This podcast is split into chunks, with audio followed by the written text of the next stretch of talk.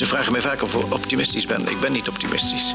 Uh, men verwacht dat namelijk met het feit dat ik probeer om zoveel mogelijk te zeggen datgene wat we naar mijn mening zouden moeten doen. En dat zijn dan vaak dus betrekkelijk ambitieuze zaken. Uh, dat wil niet zeggen dat ik geloof dat het ook zal gebeuren. Maar ik geloof dat het weinig productief is om dat laatste te zeggen. Uh, dat, dat lost niets op. terwijl misschien als je beklemtoont wat moet gebeuren, dat je dan helpt om een oplossing tot stand te brengen. Welkom bij de derde aflevering van de Economie Podcast Tim Bergen en de Economie van Morgen. Mijn naam is Eline Ronner en de naam van deze podcast zegt het al. In de komende afleveringen staat Jan Timbergen centraal en praten we over zijn betekenis voor de economie van vandaag en natuurlijk van morgen. Nou, tegenover mij zit weer mijn tafelheer Jasper Lucchese, hoofdredacteur van ESB en bedenker van deze podcastserie. In deze aflevering staat de race tussen scholing en technologie centraal. Nou, dat doen we omdat Jan Tinbergen als eerste met deze term op de proppen kwam. En dit nu met de toenemende robotisering en kunstmatige intelligentie natuurlijk weer hartstikke actueel is. We gaan erover praten met Wim Naudé, bedrijfseconoom en hoogleraar in Maastricht en in Agen. En u bent geboren in Zuid-Afrika, dus vandaar een, uh, gaan we een uh, accent horen. En Marieke Blom, hoofdeconoom bij ING. Welkom jullie allebei. Dankjewel. Dankjewel. Jasper, kun jij even kort uitleggen wat Jan Timbergen nou bedoelde met de race tussen scholing en technologie? Ja, de race tussen scholing en technologie um, is een uh, moderne vertaling van de, tenminste zo kun je het zien, van de strijd tussen arbeid en kapitaal. Uh, het is van een strijd maak je een race en van arbeid maak je uh, scholing en van kapitaal maak je technologie. Dat is een manier om ernaar te kijken. waar de strijd tussen arbeid en kapitaal gaat over mensen die hun uren ter beschikking stellen aan een werkgever. De arbeid en kapitaal. Um, dat zijn dan de werkgevers die proberen uh, die uren zo in te zetten en hun onderhandelingspositie zo in te richten dat ze daar het maximale uit weten te halen. Is, is de race tussen scholing en technologie. Um, heeft daar een wat meer dynamisch beeld bij, waarbij uh, mensen die hun tijd ter beschikking stellen, die dus werknemers, zeg maar, die scholen zich bij. En hoe meer die zich bijscholen, hoe eh, groter hun toegevoegde waarde in de economie is. En hoe meer uh, ook onderhandelingsruimte ze krijgen en ook hebben. Um, technologie um, is wat de werkgevers gebruiken. Dat kan technologie in de zin zijn van dat nieuwe apparaten, nieuwe machines. Maar dat kan ook technologie zijn in de zin van beter management. Um, en dat vergroot hun deel van de taart. Um, meestal uh, wordt het uh, gebruikt als uitkomst van de race is, is, is, de, is de ongelijkheid in de samenleving, de inkomensongelijkheid met name. Waarbij hoe meer scholing er is, hoe meer aanbod van arbeid er is. Uh, en hoe kleiner de ongelijkheid is en hoe harder de technologische groei gaat, hoe meer ongelijkheid er is. Ja, ja, als ik het een beetje korter de bocht samenvatten, is uh, ik haal steeds meer rendement uit mijn knaken door technologie. En als ik al veel knaken heb, dan kan ik er nog veel meer eruit halen door uh, nog meer technologie erin te stoppen. Dus dan kun je ongelijkheid krijgen, want als je al heel veel geld hebt, dan krijg je nog meer. En met scholing is het zo, kan ik gewoon meer uit mijn handen en uit mijn hoofd halen. Word ik gewoon productiever. En als ik me ga bijscholen, ga ik nog meer eruit halen. Ja, maar volgens mij kijkt Timbergen ook met name naar de relatieve prijs van hoogopgeleide versus laagopgeleide. Ja. En hij zegt, als ik hem goed begrijp, als er nou meer mensen geschoold worden, dan neemt relatief het aanbod van hoogopgeleide neemt toe. En ja, als het relatieve aanbod van hoogopgeleide toeneemt, dan kun je verwachten dat de relatieve prijs dus ook minder hoog hoeft te zijn. En wat hij tegelijkertijd verwachtte is hoe meer technologie er is, hoe meer vraag er weer vervolgens is naar die hoogopgeleide. En dus hoe hoger de prijs die uh, werkgevers bereid zijn te betalen voor die hoogopgeleide. Zoals, zo begreep ik hem vooral heel erg. Dat hij met name tussen hoog en laag opgeleide de prijsverschillen bekijkt. Hij kijkt specifiek naar die, prijsverschillen en hoe dat de ongelijkheid um, al dan niet uh, opstuwt of doet afnemen. Maar hij, hij zet dit wel neer, zeg maar, als reden om naar scholing specifiek te kijken en daarin specifiek te investeren. En hij zet dit wel neer uh, ook uh, als manier om te zeggen: luister, het is niet zo nuttig om puur te kijken naar um, werknemers versus werkgevers. En de, de, relatieve positie daartussen. Je moet gewoon. Werknemers onderling vergelijken. Werknemers onderling vergelijken, ja. één. En twee mensen scholen zich bij, de technologie ontwikkelt zich. Dat zijn dingen die moet je meenemen. Dus hij, hij zet het neer als een nieuw perspectief om naar ongelijkheid te kijken. Waar ehm, de strijd tussen kapitaal en arbeid het perspectief was wat er op dat moment was.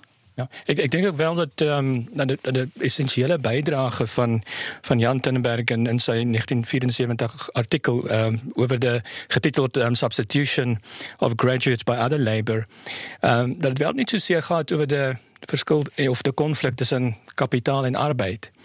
Maar, maar zoals, uh, uh, zoals je ook zei, dat, um, het gaat over de verschillen tussen, tussen verschillende geschoolde arbeid. Um, hooggeschoolde arbeid, laaggeschoolde arbeid, mediumgeschoolde arbeid. Um, Tinbergen verwijst in zijn, zijn 74 artikel naar derde vlak labor, derde vlak arbeid, zo tertiaire geschoolde arbeid. En, en wat speelde is, en ik denk zijn, zijn belangrijke bijdrage was om te beklemtonen dat arbeid niet homogeen is. Uh, dat, dat was ook de aanname ja. van, van de 1954 modellen van Robert Solow, uh, waar bruto binnenlandse produkte uitkomst is van kapitaal en arbeid, is arbeid gezien als een soort van een homogene entiteit. Human capital als een uh, type van inzet in de productieproces. En wat Tinbergen uh, daan was om, om de verschil uh, te beklemtonen, dat er, er verschillende graden of verschillende kwaliteiten van arbeid uh, bestond. En dat de vraag naar deze verschillende vormen van van arbeid word gedryf deur tegnologie. So met 'n verandering in tegnologie gaan uh ook die firmas wat het, wat heterogeen uh is, gaan 'n kan gaan die, die vraag na arbeid gaan verander. En as die vraag van arbeid gaan verander na hoëgeskoolde arbeid, gaan die wage premium of die premie van die loon vir die hoër opgeleide arbeid gaan ook dan relatief styg tot dat van die ehm um, laag opgeleide arbeid en dat veroorsaak dit die die groeiende ongelykheid. Nou die die die die voorskrif om dit aan te spreek was dan om meer onderwijs um, aan te bieden, meer opgeleide werkers uh, in de economie te, uh, aan te bieden van de aanbodzijde. Uh, en dat, dat is de, en, en, dat is dan de, de uitkomst of de gevolgtrekking van Tinbergen in zijn 74 artikel uh, met verwijzing naar Nederland.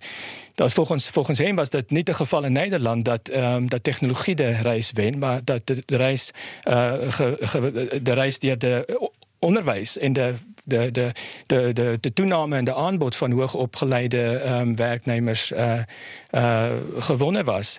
Um, en dat was ook in, in, in, in de 1990s, um, laat begin 2000 in de werk van Golden en Katz. De conclusie voor de Verenigde Staten gedurende de 20e eeuw.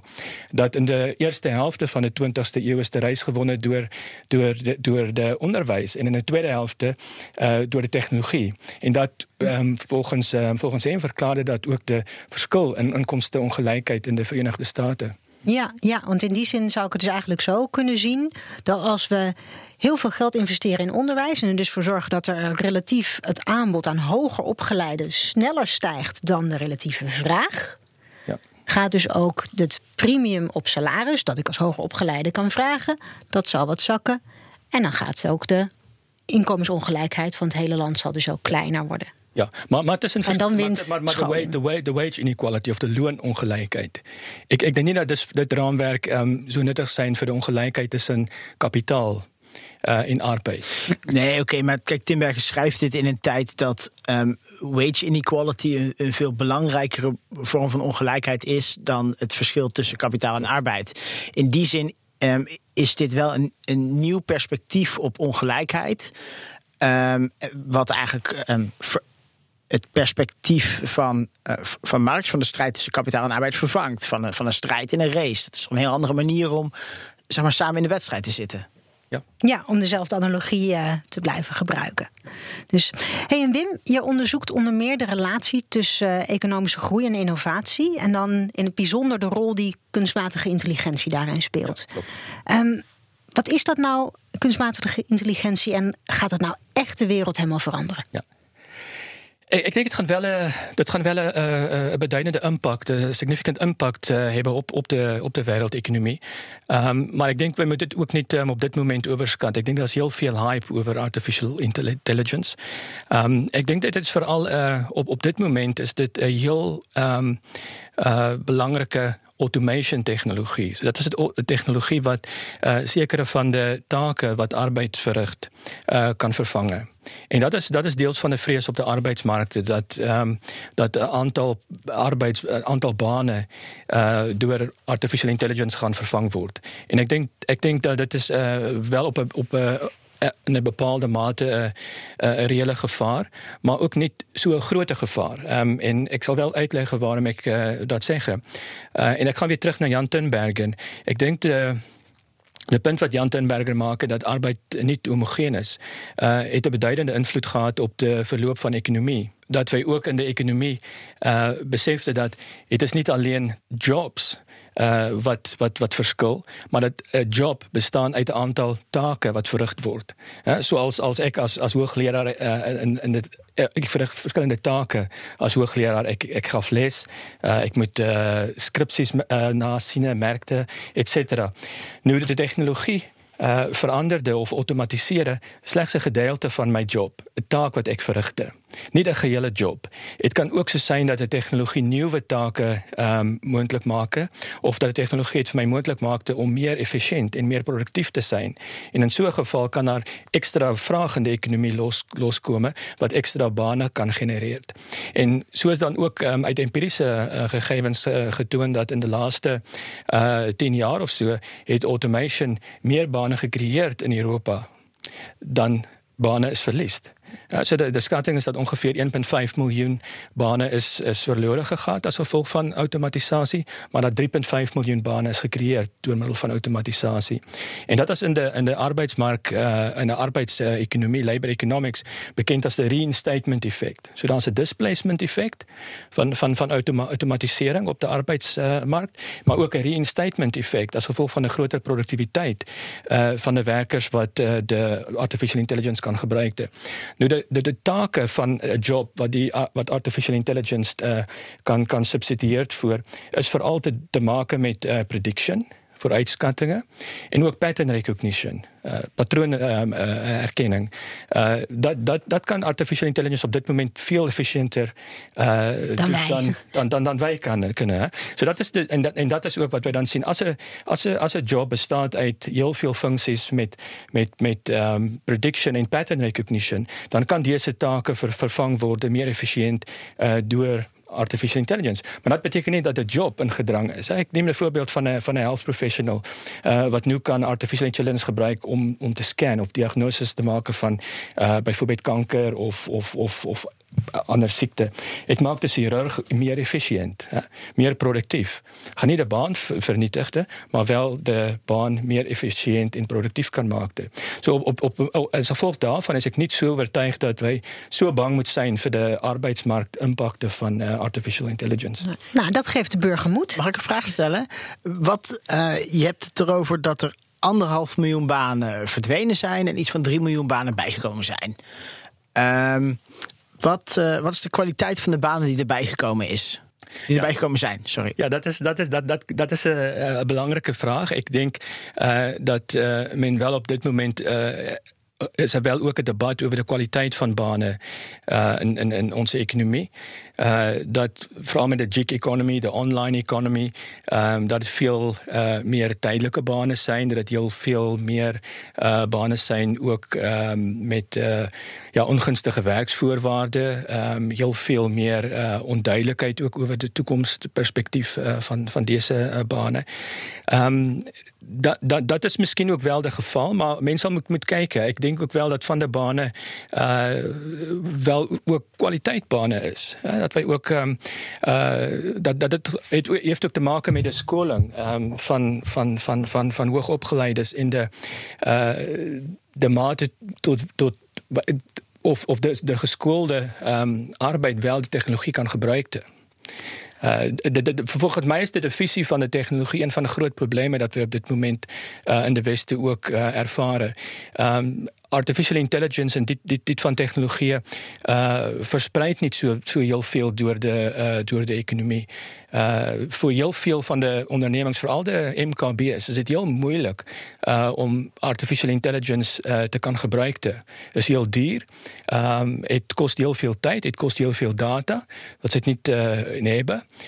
en, en dit maakt de, de, de, actual impact op, op, op de banen. Um, en op de productiviteit van de, van de, van de bedrijven uh, niet op dit moment zo heel uh, groot of heel um, significant. Mm-hmm. Nee, als, we, als we iets zien in de statistieken, dan is het natuurlijk eigenlijk dat we heel weinig terugzien van al die verhalen over technologie. We zouden eigenlijk willen dat we in de productiviteitsstatistieken wat meer zouden terugzien van technologie, want dan zou de economie ook wat harder kunnen groeien.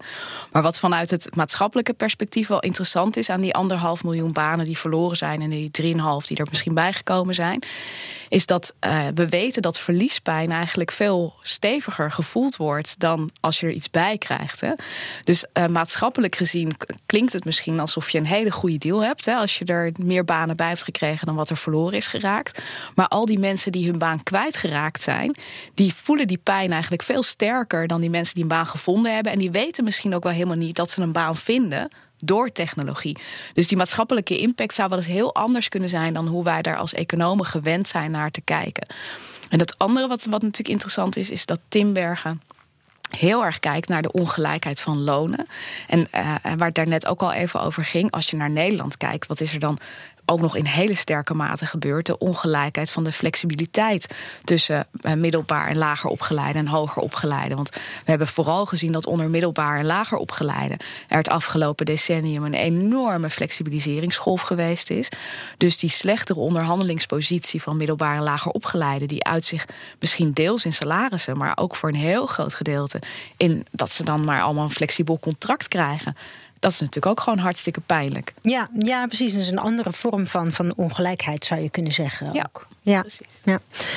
Hey, en Marieke, wat denk jij? Nemen wellicht dus ook door, uh, door artificial intelligence dan dus ook de, de verschillen op de arbeidsmarkt toe? Ik, ik beluister een beetje dat het antwoord nou ja, is. Het, het lijkt er eigenlijk op dat de afgelopen jaren die verschillen toegenomen zijn. En dan uh, met name voor herverdeling en dan na herverdeling lijkt het in Nederland allemaal nog wel mee te vallen. Uh, maar het lijkt er eigenlijk op alsof de laatste jaren die, die uh, beloning verder uiteen is gaan lopen. En daarna speelt dus nog dat effect van flexibilisering. En, en een van de dingen die wij ook wel doen is wij vragen ook aan mensen van nou ja, hoe denkt u over verschillen tussen arm en rijk in Nederland? En en wat we zien, en dat hè, Tim Bergen is wat dat betreft ook echt iemand die aan de grondslag heeft gestaan, aan de, grond, uh, de basis heeft gestaan van het Nederlandse denken. Mensen vinden de verschillen tussen arm en rijk hier heel belangrijk. En ongeveer 70% van de Nederlanders zegt van ja, ik maak me zorgen over de verschillen tussen arm en rijk. Terwijl als je dat bijvoorbeeld aan Amerikanen vraagt, hè, dat hebben we dan uit andere onderzoeken gehaald, daar zie je eigenlijk dat mensen helemaal niet zo heel veel uitmaakt dat er verschillen zijn tussen arm en rijk. Die zouden misschien zeggen, nou, hè, zolang technologie maar voor groei zorgt, dan vinden we het al lang al prima. Uh, die ongelijkheid, dat nemen we dan wel voor lief erbij. Maar Nederlanders die, uh, zijn er echt niet tevreden over hoe dat op dit moment is. Hey, en dat denkraam dat Timbergen dus, eh, dus destijds poneerde, hè, die race dus Groningen Technologie. Is dit nu ook nog wel weer toepasbaar op, op de tijd van nu? Waarin we dus eigenlijk gewoon zien dat de technologie. Ja, heb ik het bijvoorbeeld over artificial intelligence, robotisering. Is dat nou nu, vandaag de dag, nog steeds nuttig en actueel voor jullie beiden? Nou, ik denk dat dat voor een deel, hè, wat bijvoorbeeld niet in, dat, in die manier van denken zit, is wat is nou de impact van globalisering? Dus wij hebben uh, onlangs ook een heleboel uh, uitzendbureaus en andere bedrijven in de flexbranche geïnterviewd over de vraag: God, er is heel veel krapte op de arbeidsmarkt. Waarom stijgen de lonen van jullie uitzendkrachten nou eigenlijk niet sterker? En heel veel van hen gaven aan, ja, omdat wij gewoon nog steeds met migranten kunnen werken, of eventueel mogelijkheden zien om het werk naar andere landen te verplaatsen. Dus um, ja, wat daar natuurlijk eigenlijk niet in zit, het is alsof je één land neemt, terwijl in werkelijkheid is natuurlijk in de afgelopen jaren de wereldeconomie uh, open gegaan en daarmee is er vooral heel veel aanbod gekomen van laag opgeleid personeel. Want ja, de rest van de wereld is gewoon gemiddeld genomen lager opgeleid dan Nederland. En dat heeft waarschijnlijk ook een effect gehad. En ik denk daarnaast het andere uh, interessante punt is dat vroeger technologie misschien veel vaker uh, een vervanging was voor laag opgeleid werk. En dat we nu misschien wel in de fase komen dat het ook een vervanging kan zijn voor hoog opgeleid werk. Want dat, die, dat idee dat leeft inderdaad wel, hè? dat AI met name de, de midden- en de hoger opgeleide banen of taken van die, van die banen kan vervangen. En dat we juist eigenlijk weer meer behoefte hebben aan ja, ambachten. Mensen die met hun handen kunnen werken. Omdat we dat minder makkelijk kunnen robotiseren. Ja. Is dat iets dat je herkent, Wim? Ja, ja ik, ik, ik, eh, ik ben het mee eens meer. Uh, dat klopt. Um, ik denk dat de, de rol van de globalisering uh, de, is, is, enorm. Uh, empirische studies uh, toont dit ook aan. ik, ik denk ook wel dat um, voor mij is de is de implikatie van de technologie. Um, de probleem is dat de technologie niet gezien wordt in de groei in arbeidsproductiviteit. Um, en ik denk het is belangrijk om, te, om in gedachte te houden dat als de productiviteit van arbeid niet groeide, kan ook de loon van arbeid niet uh, eventueel uh, aanhou groeide. En de beperkte groei en productiviteit van arbeid plaats ook 'n demper op de competitiveness van bedrywe uh in 'n in 'n bepaalde land. En een meganisme om de competitiveness te behouden is om de share van arbeid te verminderen. En dit is ook wat wij gesien hebben in de laatste 10, 15 jaar in in in in Duitsland. Uh de hervormingen in in Duitsland was 'n fleksibilisering van de arbeidsmark in Duitsland as gevolg van die feit dat um, dat Duitsland heel gevoelig uh is vir international competitiveness. En as gevolg van die feit dat arbeidsproduktiwiteit ehm um, uh, stagneert in in in Duitsland was een uh, manier om de om de competitiveness te handhaaf om de lone omlaag te te drukke. Nou in Duitsland op dit moment ook met de met die gunstigheid van de van de wisselkoers as gevolg van die euro is Duitsland super competitive en al die groot maatskap groot ondernemings uh heeft heel veel surplusse opgebou. De land heeft ook 'n surplus op de op de op de handelsrekening.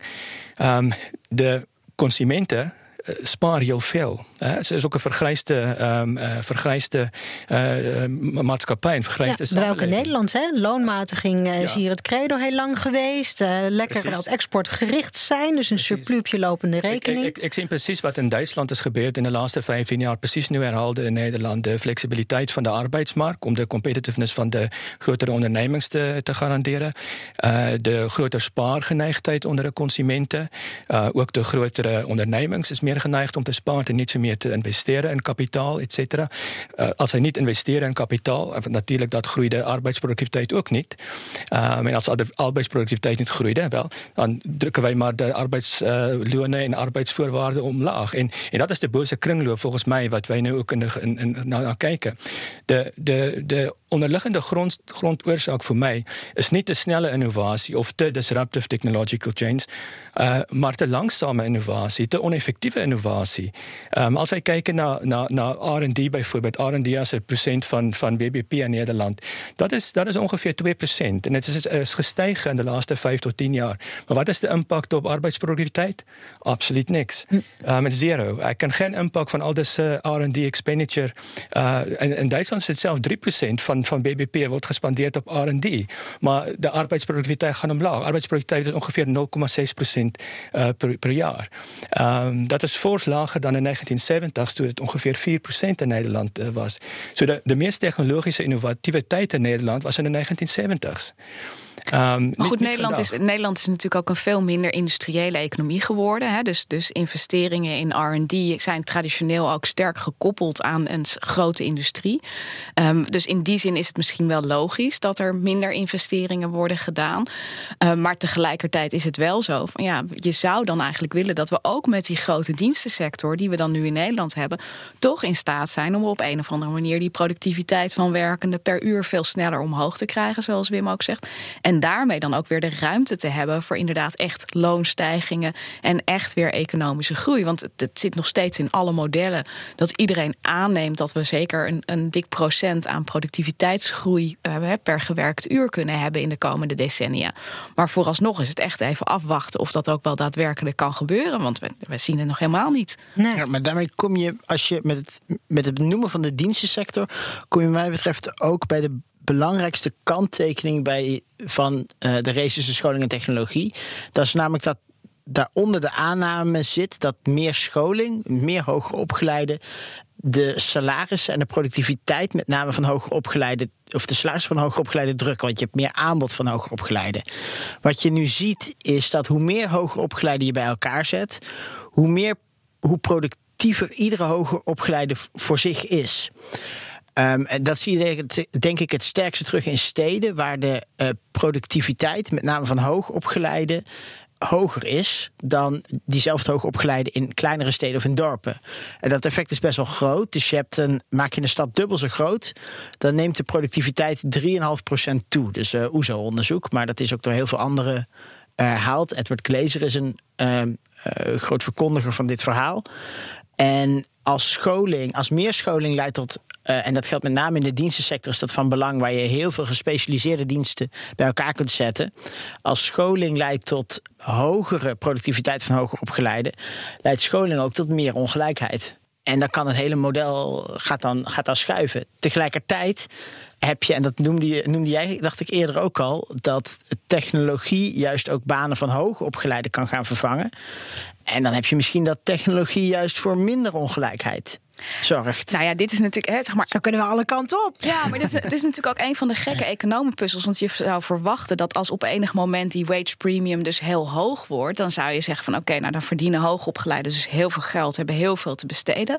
Laagopgeleiden hebben eigenlijk hè, verdienen heel weinig, dus zijn heel goedkoop. Nou, dan zou je toch verwachten dat bijvoorbeeld de, de hele markt voor persoonlijke dienstverlening enorm gaat groeien. Dus dat er ook wel weer een tegeneffect ontstaat. Of dat er bedrijven komen die denken van hé, hey, als ik zo gemakkelijk aan lage middelbaar opgeleide mensen kan komen, dan ga ik allerlei producten verzinnen waar ik juist hen heel goed bij kan gebruiken. En misschien ook wel technologieën verzinnen die hen veel slimmer maken. En dus dan kan je je bijvoorbeeld voorstellen dat, dat waar je nu uh, misschien een HBO-opgeleide nurse practitioner moet inzetten, dat je een MBO-geschoolde uh, verpleeg, verpleegkundige in zou kunnen zetten die een Google Glass gebruikt. En daarmee het zeg maar even snel kan schakelen met iemand voor de meest ingewikkelde vragen, om maar wat noemen. Hè. Dus ik vind het ook wel heel fascinerend dat er in dat denkraam ook niet een soort logica zit van ja, je zou verwachten dat er weer een tegenkracht komt op het moment dat dat verschil tussen hoog en laag opgeleide te groot is. Ja, ja precies. Nou, nou was dat denkraam van Timbergen ook van uh, halverwege jaren 70, hè? vorige eeuw nog. Wat zou er nou hierna kunnen komen als Timbergen nu geleefd had? Wat zou de opvolger zijn van dit denkraam? Nou, ik denk dat dat voor een deel aansluit op wat Jasper daarnet zegt. Dus, dus um, is het misschien zo dat veel hoogopgeleiden bij elkaar ook nog weer inderdaad op een andere manier uh, met elkaar steeds productiever kunnen zijn. En wat ik ook denk is, nou, je ziet bijvoorbeeld statistieken dat stress ook veel hoger is onder hoogopgeleiden.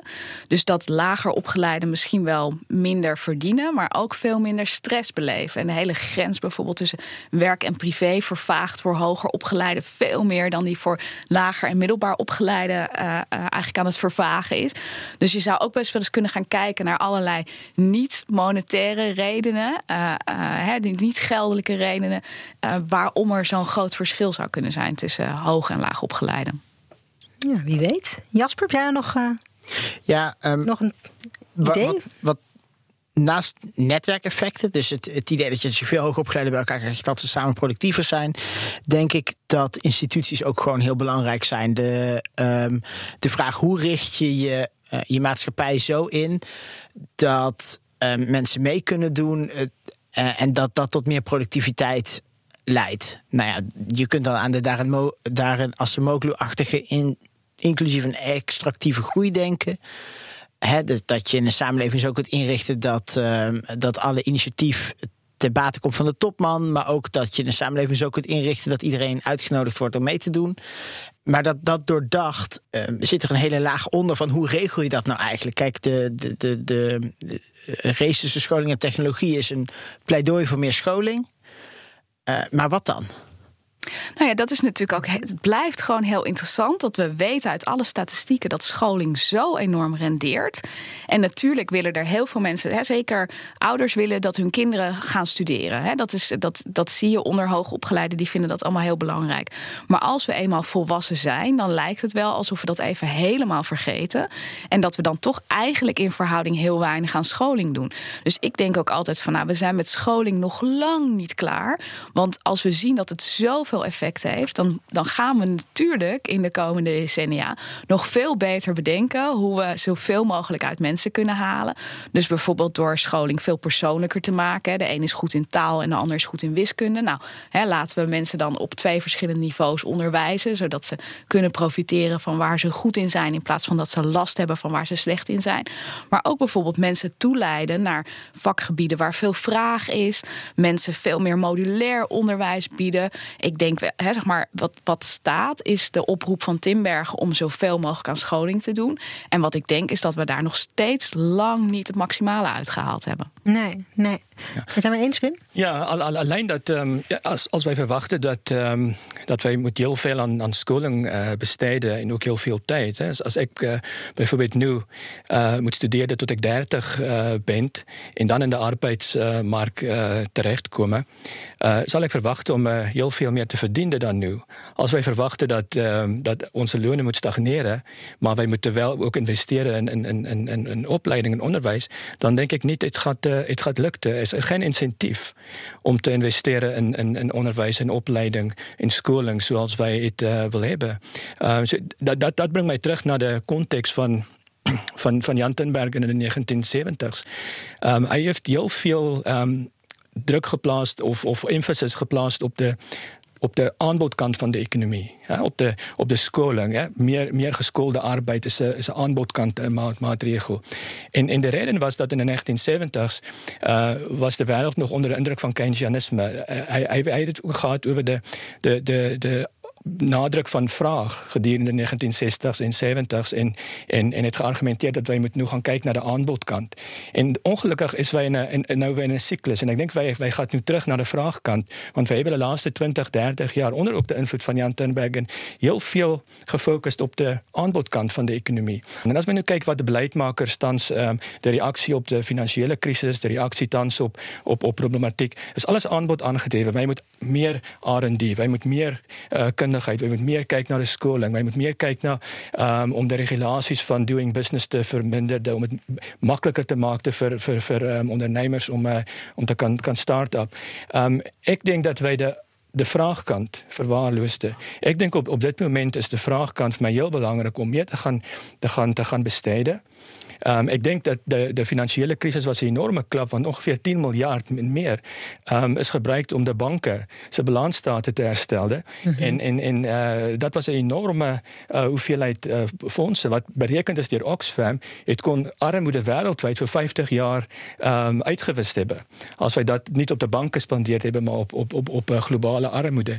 So ik denk wij zitten nog met de, met, de, met de gevolgen van de financiële crisis. En ik denk nu is de tijd voor, voor de vraagkantstimulatie en miskien te gaan te gaan nadenken oor die Keynesiaanse uh uh, uh aanbevelings hm. vir ons ekonomie. Ja, nou dit gaat voor ook incentief skep vir skoling want want ek bedoel as as jong as as jong as jong uh, jong persoon vandag uh waarom gaan studeer as my lone gaan stagneren? Ja, dus eigenlijk zou het meer moeten lonen om nog meer geld te steken in je eigen opleiding. Ja, en, meer, en meer. Maar, maar het, het, is toch juist zo dat we in alle statistieken zien dat op zich scholing loont heel erg ten opzichte van niet-scholing. Wat wel zo is, is dat de vraag is of nou over de komende decennia de lonen nog heel veel extra gaan stijgen, omdat we niet zo goed weten of we de productiviteit inderdaad wel kunnen laten groeien. Maar, maar scholing aan zich ten opzichte van niet-scholing, dat is toch nog steeds heel helder dat dat ontzettend goed rendeert. Ja, na natuurlijk. En, en, en, maar op, eh, op, uh, dat is ook um, de, de niet-monetaire factoren dat jij uh, noemde. Is bijvoorbeeld dat um, als we gaan kijken naar de relatieve stijging in, in lonen. Um, dat is wel beter dan geen lonen, maar in vergelijking met andere personen met ook bepaalde skills en ook met de, met de, met de capital in society, dan zien we niet de vooruitgang. Men zien, de, zien, men zien een, een relatieve achteruitgang. Ook van relatief hooggeschoolde arbeiders op, op dit moment. En dat is bijvoorbeeld terug te vinden in de daling in de en de share of labor in de economie. Wat gedaald is van 70 procent, ik denk nu tot 40 procent uh, in, in, in, de VSA bijvoorbeeld. So dat is, dat is een, uh, geweldige uh, deel van, van, van bruto binnenlandse product gaat naar de ouders van kapitaal. Nou ja, in Nederland is de arbeidsinkomensquote wel weer gewoon op het niveau waar het gewoon de afgelopen twintig jaar, geloof ik, gemiddeld ja, heeft Er is wel wat debat over. Maar ja, er is hoe wel je wat naar die over. statistieken kijkt, daar kun je ook een ander verhaal op, op houden. Hij is in ieder geval niet op het niveau gedaald waarop hij in de VS gedaald is. Daar Nee, ben ik het wel mee nee dat is absoluut niet vergelijkbaar. Maar ik, ik denk, waar we het heel erg over eens zijn, is dat dat soort risico, en dat zie ik eerlijk gezegd veel meer bij bedrijven, dat die in een markt terechtkomen die door demografie niet groeit en ook geen arbeidsproductiviteitsgroei kent. En dus dat je van heel veel ondernemers eigenlijk het gevoel krijgt, ja, waarom zou ik nog investeren als ik opereer in een markt waar per saldo eigenlijk geen groei te vinden is? Dat maakt het heel onaantrekkelijk. En het risico is eigenlijk dat we daar met z'n allen last van gaan hebben. Want als bedrijven allemaal te weinig in technologie investeren, dan kunnen wij als werkenden ook niet productiever worden. En dus vervolgens zien we onze economie niet groeien en onze lonen niet stijgen. Dus daar zijn we het denk ik heel erg over eens. En dat heeft denk ik alles te maken met het, met het afbouwen van schulden in Europa. Wat we met z'n allen tegelijkertijd proberen te doen. Dus wat we proberen te doen in Europa is overheden minder schuld, bedrijven minder schuld, huishoudens minder schuld. Ja, en dan heb je geen groei. Dan Nee. heb je geen vraag. Iedereen is aan alle kanten op die rem aan het trappen. Dus eigenlijk hoor ik hier een beetje een pleidooi om dat, die oude Hollandse zuinigheid een beetje los te laten en die knaken te laten rollen. Een groeifonds. Een groeifonds. Wat nou een Nou, goed idee zou Wat een fantastisch idee dat dan eh, is. origineel ja, trouwens. Ja, nee, ik ben inderdaad niet zo heel erg origineel. Ik zal het niet claimen, want er zijn al genoeg mensen die dat fonds claimen. Eh, maar eh, nee, ja, dat, hè, zeg maar, wat je natuurlijk zou kunnen doen, is als je als de overheid in Nederland zou zeggen van nou, wij gaan echt substantieel miljarden in de economie eh, eh, stoppen, dan met name in groei eh, aanjagende investeringen, dan krijg je eigenlijk een korte termijn impuls op de vraag, omdat je ja, gewoon meer geld aan het uitgeven bent op korte termijn. En op lange termijn krijg je een productiviteitseffect. En ik denk dat dat als voordeel zou kunnen hebben, hè, en ik weet het niet zeker, maar het zou goed kunnen dat je dan een beetje een kickstart krijgt van de economie, dat je weer even een beweging omhoog krijgt, dat de overheid daarmee ook naar ondernemers uitstraalt van je kunt er weer vertrouwen in hebben, want wij vinden groei ook belangrijk. En dat je dan die spirit die ik nu inderdaad echt zie bij bedrijven van nou ja, weet je wel, eh, dit is het al, dit was het alweer, weet je wel. Dat, dat is wat ik nu van ondernemers hoor. Dit was het alweer. We hebben het nou alweer gehad. We gaan nou alweer de recessie in. Ja, daar krijgen we geen land van wat eh, met lekkere ondernemende mentaliteit allemaal nieuwe dingen aan het uitvinden is. Dat moeten we wel hebben. Ja, Maar als je dan zo'n groeifonds hebt, moet dat dan investeren in scholing of in technologie? Ja, oh, wat een goede vraag. Ja, nou kijk, ik, ik denk met alles waar wij het daarnet over hebben gehad, dat scholing in elk geval rendeert. Hè. Dus, dus ik denk als we zien. denkt ook dat dat vanzelf gebeurt, omdat het rendeert voor het individu. Dus jij pleit Ja, ik- eigenlijk voor investeringen in technologie. Nee, nee, nee, want ik denk dus niet dat dat vanzelf gebeurt. Dat vind ik juist het interessante. Mensen gaan dus uit zichzelf wel. Hè, voor een deel in het, in het initieel onderwijs proberen mensen wel naar hogere opleidingen te komen, hè, HBO of WO. Maar volwassenen bijvoorbeeld, die doen eigenlijk nog steeds veel te weinig aan scholing. Ehm, ik denk ook dat je de kwaliteit van eh, MBO-opleidingen bijvoorbeeld veel verder zou kunnen verhogen. Ik denk dat je in het MBO ook nog heel veel aandacht zou kunnen besteden aan de studierichtingen die jonge mensen doen. Want er gaan nog heel veel jongeren bijvoorbeeld economieopleidingen in het MBO in, waarvan we eigenlijk al weten dat de beroepsperspectieven heel slecht zijn. Dus al dat soort bestemmingen, daar zou je allemaal nog heel veel extra geld in kunnen stoppen. En daar zou je volgens mij en op korte termijn en op lange termijn je economie een zet mee kunnen geven. Een scholing voor jou. Ik kies voor scholing. Ik, ik, ik, ik ben gedeeltelijk uh, ben ik het mee eens. Ik, ik denk dat wij in Nederland uh, ook heel veel moet nog uh, gaan, gaan doen aan lifelong education en training en retraining. Wij hebben 14 heel um, goede universiteiten, maar zij kan niet alles aanpakken. Zij kan niet, uh, zij kan niet de bachelorsopleidingen, uh, de mastersopleidingen verzorgen en nog lifelong education. Um, ik, ik denk dat dat, dat, dat voor mij is een is is is ideale gelegenheid om te investeren in lifelong education. En, en, en meer kijken ook naar de samenwerking tussen de MKB's, de grotere bedrijven, en de lifelong learning um, onderwijsinstellingen. Ik denk dat dat soort investering kan, kan heel um, kan heel nuttig zijn. Maar ik, ik ben het ook, um, ik ben ook niet zo zeker van de, van, de, van een groeifonds van de overheid in technologie. Want um, investering in technologie is een heel grote gok. Het, is niet, het is niet per se duidelijk wat de uitkomst gaan wijst van, van investering in technologie. En ik denk niet wij moeten met belastingbetalers geld gaan gokken. Ik, ik ben ook van de overtuiging dat bij uh, reuse achterstand uh, opgebouwd in infrastructuur, basisse infrastructuur in Europa, ook in Nederland. Welk gebied infrastructuur dan? Moet dan digitaal denken of, of echt ouderwets de wegen? Wel, ook, ook ouder, ouderwets, maar ook, ook, ook digitale technologieën, uh, infrastructuur. Um, uh, als wij kijken ook naar de, naar de housingstokken in Nederland, um, als wij kijken naar, uh, naar, naar, de, naar de logistieke, de vervoerstelsels, als wij kijken ook in een groter geheel in, in Europa, want Nederland is ook deel van de Europese Unie als een grote markt. Um, in Duitsland zijn grotere gebieden wat bekend staan als wifi deserts. de, de, de roll-out van infrastructuur zoals de internet is niet meer voldoende, is, is, is, is, is, is geheel al onvoldoende, bijvoorbeeld in de grootste economie in, in, in, in Europa. Dat is ook voor mij gelegenheden voor, uh, voor, voor Nederland. Maar ik denk de, de, de grotere punt is dat de infrastructuurinvesteringen dat wij gaan, gaan benodigen, gaan ook heel veel banen creëren. Uh, en, en nie noodwendig um, highly skilled bane, maar maar maar, maar bane ook vir vir medium en middle skilled uh, arbeiders. Uh, en en dat dink ek gaan ook 'n uh, heel lange impak hê op die op die ekonomie. Mhm. Uh, so ek ek pleit vir vir vir old-fashioned infrastructuur, uh, lifelong education investering en heel voorzichtig omgaan met de, met de investering in technologie. Um, wij hebben gehoord uh, dat de Nederlandse overheid wil ook de besteding op artificial intelligence verhoogd naar, denk, naar 2 miljard over de volgende aantal jaren. Ik denk dat mensen heel voorzichtig er naar kijken. Als ik kijk naar de beplanning voor AI, dan lijkt het voor mij of de besteding vooral gaat weer op de supply side, op de opleiding en tweedens op de algoritmes. Nu, voor mij is, is dat alles fijn, maar het probleem is als de bedrijven niet toegang hebben of access hebben tot de AI-technologie, dan gaan het niet heel veel effect hebben om een perfecte, ethische, responsible AI-algoritme te hebben. Uh, en genoeg uh, wat met, met, met AI werkte voor de veel, voor een kleine groepje uh, grotere ondernemings wat wel de AI kan implementeren. Ik denk wij moeten ook gaan kijken naar de economic en business case van AI. Tot dusver is de AI case in Nederland heel veel gericht op het technische probleem. Ik denk de politici verstaan AI als een technische probleem. Dat we alleen moeten gaan kijken naar de opleiding en gaan kijken naar de algoritmes. En zij kijken niet naar AI uh, als een economische of business uh, probleem en dat de business models ook moet, moet gaan aanpassen, dat de onderliggende infrastructuur investment om de AI te kan, te kan uitrollen over de economie, dat dat ook moet aan, aangepast worden om de effect te hebben. So dat, is ook mijn, pleidooi om te gaan kijken naar deze aspecten van, van, van technologie. Um, eerder als om te gaan gokken oor welke type algoritmes uh, misschien de, de leidende algoritmes in de toekomst gaan zijn. Ja, want uh, Wim, zou je ook een, een vergezicht in dit verhaal kunnen schetsen? Hoe ziet de wereld er dan over twintig jaar uit? Is, is dan AI voor iedereen beschikbaar en een wereld vol met robots? Nee, ik, ik, denk wij moeten niet in de, in, de, in de trap vallen om de toekomst te kan, uh, te kan, te kan vooruitschatten. Ah. Ik, ik, heb ah. geen kristalbal, helaas.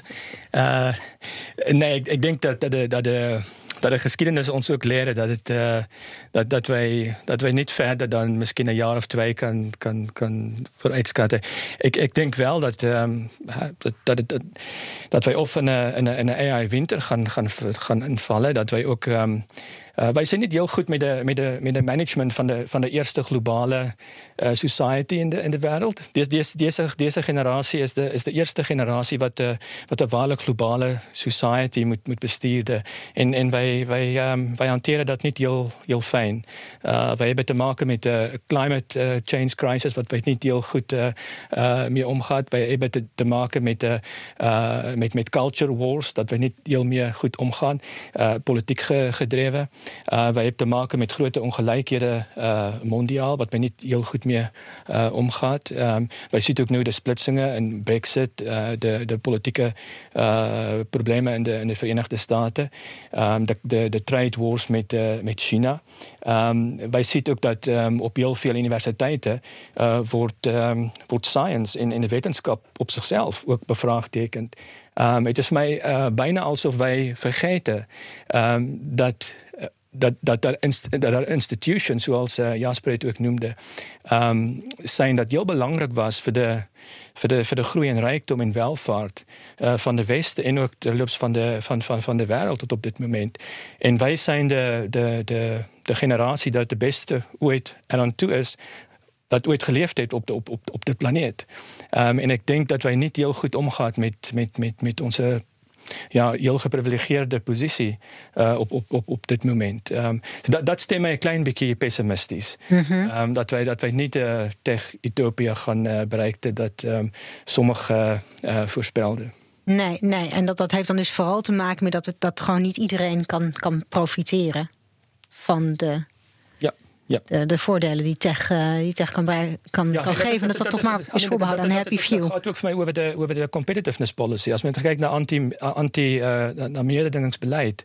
Wij moeten mededingingsbeleid gaan herdenken in de, in de, in de, in de, in de uh, digitale economie.